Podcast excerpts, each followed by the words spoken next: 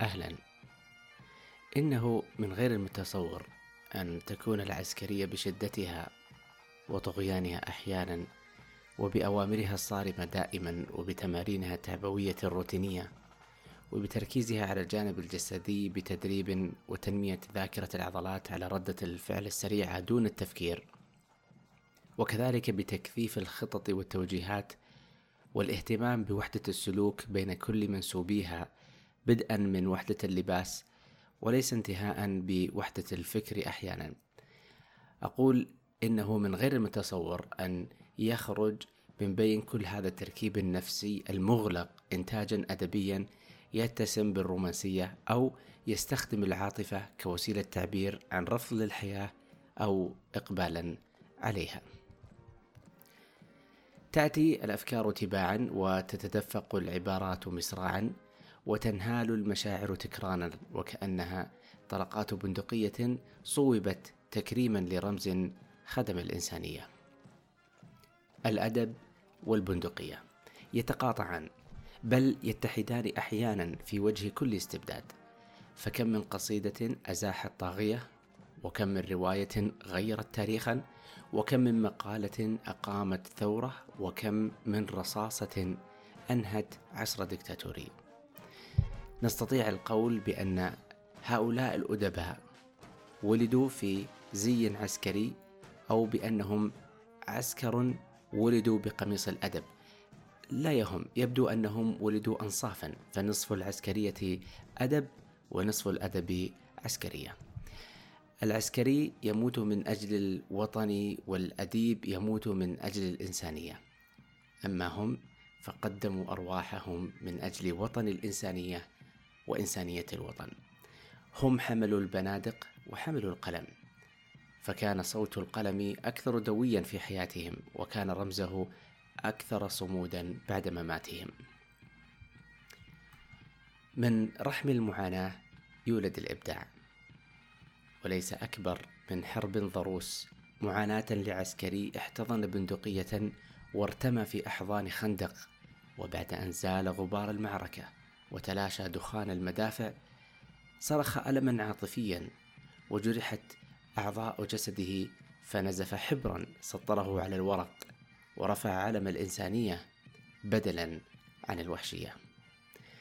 من علامات الأدب ومميزاته أنه في لحظات ولادة الأدب وبداية خلقها بداخل كل إنسان لا تعترف بالزمان ولا المكان فكم من خندق شاهد ولادة شرعية لأديب وكم من بندقية حملت بيد وحمل القلم بيد أخرى ليس أنبل عملا من أن تقدم روحك فداء لقضية إنسانية أو تضحية لقيمة من قيم الفطرة الإنسانية. ليس المهم الأداة المستخدمة قدر أهمية وقع أثرها وعلو صوتها وثبات مبدئها. فكما الحياة العسكرية يلزمها الطاعة والولاء والإخلاص للبندقية لأنها إن لم تتعامل معها بحذر قد تصيبك في مقتل. فكذلك القلم قد يؤدي بصاحبه إلى قضاء بقية عمره في ظلمات السجن إننا نقف عاجزين عن فهم كمية الصراع الداخلي الذي يختلج مشاعرهم والذي تسبب في إنتاجهم لهذا الأدب الصادق الجاني والمجني عليه في نفس الوقت. يا ترى هل قام أحد منهم بتصويب بندقيته وأراق دما أو تسبب في حالة دائمة تجاه إنسان آخر؟ إننا نعرف أن الأدب هو من الإنسان إلى الإنسان يسعى لرقيه ومساعدته على فهم الواقع. هذا الأدب الذي يسعى لأنسنة الإنسان لتعريته من كل ما يعيبه لتفكيكه إلى أجزاء صغيرة يسهل عليه حينها فهمها وإعادة تركيبها بالشكل الصحيح ليصبح انسانا أقرب للمثالية والكمال. يخطئ من يظن أن الأدب لم يقتل إنسانا. ألم يقتل المتنبي بسبب قصيدته التي وكما بنت مجده وخلدته في التاريخ العربي قامت أيضا بوضع الحد النهائي لحياته؟ كذلك تسلط الملوك والساسة على الأدب وحاولوا تسييسه وتحويره عن هدفه المثالي ليكون أداة بأيديهم كما وضعوا البنادق أداة في أيدي جنودهم. لا نعلم حقيقة من استفاد من الآخر أكثر. هل المجال العسكري خدم هؤلاء الأدباء وقدم لهم مادة غنية يقتاتون عليها أدبا ويعصرون أذهانهم بسببها شعرا أو نثرا؟ أم هل الأدب هو من هذب المجال العسكري وصبغه بصبغة إنسانية إلى حد ما؟ هل ساهم في تشكيله وتطويره؟ ووضع أساسياته لا سيما وأن أول كتاب وجدت مخطوطته على وجه الأرض هو كتاب فن الحرب لسانتزو.